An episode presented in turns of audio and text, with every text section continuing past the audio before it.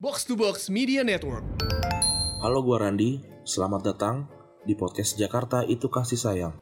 Sebuah program podcast harian dari Retropus di bulan Ramadan yang bertujuan untuk membuat gue tetap waras selama masa karantina di Jakarta. Di tiap episodenya, gue akan bertanya tiga pertanyaan yang sama kepada orang-orang yang berbeda. Mari kita dengarkan sebuah cerita baru dari orang yang baru.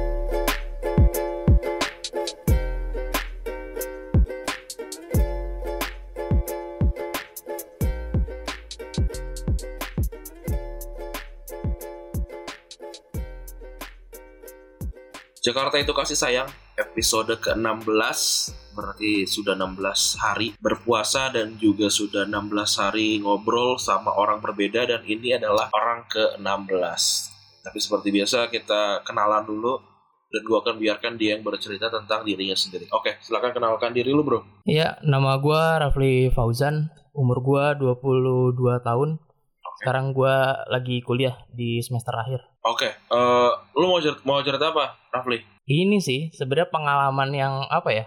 Kalau gue bilang tuh kayak ini di, ternyata diserang apa namanya orang-orang yang punya pengaruh besar di sosial media tuh gini rasanya ya. oke yang Ibaratnya diserang, diserang-serang. lu lu nih lu diserang Lebih ke ini sih perkumpulan lah. Jadi yang di, banyak tuh apa namanya yang diserang tuh banyak, bukan gua doang. oke lu lu lu ada di perkumpulan itu gitu ya Betul sekali. Oke, itu ceritanya gimana nih? Eh, biar lebih jelas. Mungkin sedikit kali backgroundnya bang ya. Oke, Jadi anggaplah kampus gua ini isinya itu mayoritas.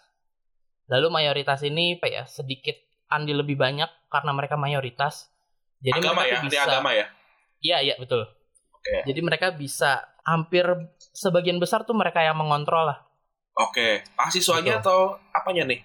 Mahasiswa Mahasiswa. Berarti dalam kegiatan Mahasiswa. kemas kemahasiswaan, mahasiswa yang eh, mayoritas ini bisa mengontrol karena mereka lebih banyak gitu. Iya betul sekali. Oke, terus terus. Oke, agama mayoritas ini lebih mengontrol. Jadi seperti biasa lah ya, gue nggak tahu. Tapi kalau di kampus-kampus tuh eh, masuk kampus tuh ada ada kegiatan seperti itu atau enggak? Kayak Oke. ngumpul keagamaan gitulah. Cuma kan ngumpul keagamaan kan biasanya beda-beda tuh. Nah kalau di yang agama mayoritas kayak biasa lah. Mungkin Bang Randi juga tahu. Oke deh, langsung masuk ke inti ceritanya. Oke, Jadi karena backgroundnya bisa dibilang eh, mayoritasnya cukup eh, megang gitu di situ. Jadi sebenarnya kejadian ini udah ha- apa namanya awal tahun lalu.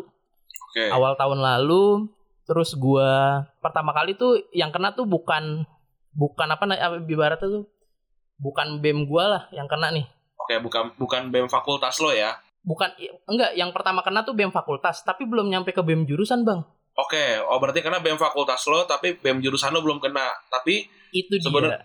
sebenarnya perlak eh, cara cara berlakunya mah sama aja gitu ya. Bisa BEM fakultas BEM, BEM ini sama gitu ya. Iya sama. Oke, Tapi oke, kan terus terus. Pertama-tama tuh BEM fakultas. Dan gue di situ belum ambil pusing sih. Oke. Saat pusing-pusingnya itu, ini kan waktu dia apa namanya, mengi- apa namanya kita sebutnya gimana ya? Nyebut SJW gak apa-apa Pak Bang. Gak apa-apa lah SJW.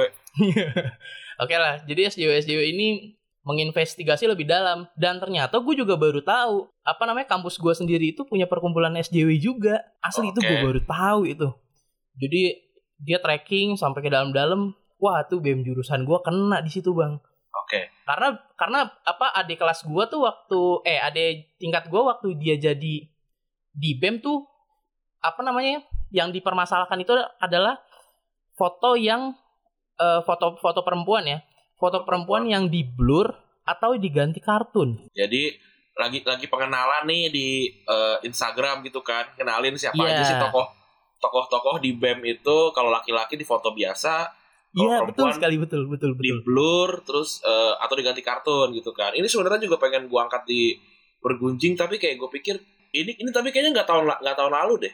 Kayaknya ini nggak nggak nggak segitu lamanya. Aw- Bener awal, awal tahun awal tahun bang awal tahun ini ya awal tahun ini Iya. ya Eh, mungkin mungkin saat itu satu mungkin bergunjing lagi lagi libur kayak waktu itu Ajis sudah Ajis lagi umroh apa gimana Mm-mm. jadi jadi ini ini ini, ini ke kedetek juga sama gue orang orang rame banget di Twitter tapi gue mikir kayak ya udahlah kenapa sih gitu gak gak, gak, se- gak sepenting itu kalau kalau kalau buat gue kayak ya udahlah suka suka suka suka mereka tapi ini kan akhirnya kan diserang berarti sama SJW eh, feminis feminis gitu ya. Betul. Oke, terus gimana? Jadi apa apa yang terjadi nih setelah setelah itu ke blow up, terus SJW eh, bikin rame, kampus lu gimana nih? Kejadian apa di kampus lo yang terjadi? Akhirnya setelah itu semua ke blow up, dosen tuh pada ini bang, apalagi dosen jurusan gue ya, pada nanyain gitu, mereka tuh khawatir gitu bang, takutnya nyerang ke psikis atau segala macem. Oke. Karena kan menurut gue pribadi, anak-anak kampus gue ini tidak sanggup untuk melayani SJW SJW ini. Tapi Maksud gue eh, ini gue pengen nanya lu kalau si perempuan-perempuan yang yang di blur atau diganti kartun itu sebenarnya mereka masalah atau tidak? nggak masalah, malah mereka yang Oke. minta. Oke, berarti ini ini ini, ini yang tidak terbongkar ya. Jadi oh, jadi kayak seakan kayak seakan-akan tuh mereka mereka harus dibela tapi sebenarnya ini dengan kesadaran mereka penuh ya. Betul sekali bang. Oke, terus terus gimana lagi? Apa namanya perempuan-perempuan ini yang minta di blur. Karena pada saat gue mau bikin postingan itu, gue sudah nanya ke mereka, nih gimana nih? Kalau menurut gue, kalian yang cewek-cewek foto deh. Apa namanya satu persatu gitu. Biar gue Oke. ngeditnya enak, terus ngeliatnya enak gitu. Tapi mereka nggak Oke. mau kan. Oke. Lu editornya ya? Kebetulan Oke, gue oke. di situ waktu itu pegang kepala departemen apa namanya kominfonya lah. Oke, medsos ya. Apa sih dulu gue Yap. namanya? Oke, gitulah namanya ya. Beda-beda Iya, lah. iya, iya. Terus, Terus? eh, udah dapat persetujuan dari mereka. Ya akhirnya gue posting dong. Itu gue inget banget tahun 2018. 2018. Tiba-tiba tuh kan awal tahun 2020 itu ke blow up. Itu gue di situ kayak, aduh kerjaan gue nih. Oke. Masa gue yang kena sih? Gitu gue jadi merasa, aduh gue gue gue sih gue sih ngeri gitu. Jadi kayak kalau ngelamar kerja nantinya mereka tahu berita itu, karena foto gue tuh ada di postingan itu bang, di Hmm. thread apa namanya, di thread Di yang SJW bikin itu. Oke. Wah iya bang, gue jadi jadi ngeri aja gitu. Oke, oke. Wah, oke. ntar gue ngelamar kerja, orang-orang pada skeptis sama gue, padahal gue tidak tidak se apa ya ibaratnya gue nggak baik-baik juga lah kayaknya di agama gue biasa Nggak aja nggak gitu. ya, nggak sebegitunya ya. Iya, dosen panik, semua segala macem. Akhirnya ada mediasi antara mahasiswa eh, waktu itu peng- kepengurusan gua sama si BEM-nya. Eh, Oke. sama si dosen maksudnya. Oke, sama dosen. Udah kan tuh. Udah akhirnya mediasi segala macem. Ya dosen gue cuma nitip pesan aja sih, ya udahlah nggak usah diladenin lagi. Hmm. Karena kalau diladenin terus, ibaratnya tuh kayak lu ini gak sih bang kayak makan apa ngasih makan ego satu sama lain. Jadi kita kita ngasih argumen, mereka berargumen lagi menanyakan, ya tuh udah adu ego aja. Betul, betul, Makin gede-gedean ego dan tidak ada jalan tengahnya. Terus juga Itu kan kalau kalau kayak gitu kan biasanya kan mereka kalau dikasih dikasih kasih tahu nih ini sebenarnya kejadiannya kayak gini. Ya belum tentu mau percaya juga kan. Bener bang, bener. Ampe temen gua itu udah, gua kan orangnya paling ini ya. Apa namanya kalau ngomong ya udah to the point aja gitu. Temen Iya. gua ngejelasin panjang lebar bang, sampai masuk ke masuk ke Jakarta Pos. Maksudnya di- dia diwawancara, dia diwawancara. Enggak, jadi Jakarta Post itu eh, menyoroti masalah itu. Jadi Ah. dia cuma screenshot apa namanya tweet dari teman gua itu aja. Ada Oke. berapa tweet gitu. Oke, teman teman lu bilang apa waktu itu di situ? Ngebela, pembelaan. Iya, maksud gua ya menengahi aja kayak Hmm. eh lu tuh yang di luar tuh nggak tahu kali masalah yang sebenarnya di sini tuh gimana, cerita yang Iya. sebenarnya tuh kayak apa. Dan kita yang di dalam juga harusnya nerima kritik dong. Iya Tidak betul. usah apa namanya Defensif. menyerang balik. Ya ngapain? Ya, oke. Ngerti ngerti gua ngerti. Jadi eh sebenarnya ini kan apa ya? Semua cerita kan punya dua sisi ya. Jadi mungkin Betul. nggak banyak orang juga yang tahu sisi dari sini karena karena gue juga kan ketika itu itu itu gue baca terus gue juga tidak ingin repot-repot verifikasi dari sisi kampus lo gitu kan kayak ya udahlah nih gue dapetnya segini doang gitu kan. Ya eh, itu itu netizen pada umumnya lah gitu. Makanya itu Iya, iya. yang makanya itu nggak gue naikin. Karena kan eh, satu kan gue kan juga juga apa namanya punya banyak teman yang eh, pernah ada di di lingkungan seperti itu gitu. Apalagi gue juga kan dulu kan asrama gitu enam tahun. Gue Iya. gue gue paham tentang itunya tapi eh gue satu sisi gue juga paham kenapa mereka menyerang menyerang gitu. Tapi itu ini ini, ini agak resenya SJW ya kadang-kadang ya, yang yang kayak kayak mereka tuh kayak udah kalau mereka kayak gitu udah pasti bener gitu kayak emang kadang-kadang fuck juga sih tapi ya ya begitulah hidup ya. Ya udah gitu jadi gue juga ya ya udahlah pasrah lah. Gue tuh dalam hati gue cuman kayak udah dong jangan jangan diladenin terus. Iya. Kalian tuh kalau diladenin terus ngasih makan ego satu sama lain, gak ada jalan tengahnya. Yang kalian temuin tuh ya udah perpecahan aja. Dan akhirnya resolusinya gimana nih? Sol- Solusinya dari semua ini gimana? Kan sekarang Nah. udah hilang aja nih.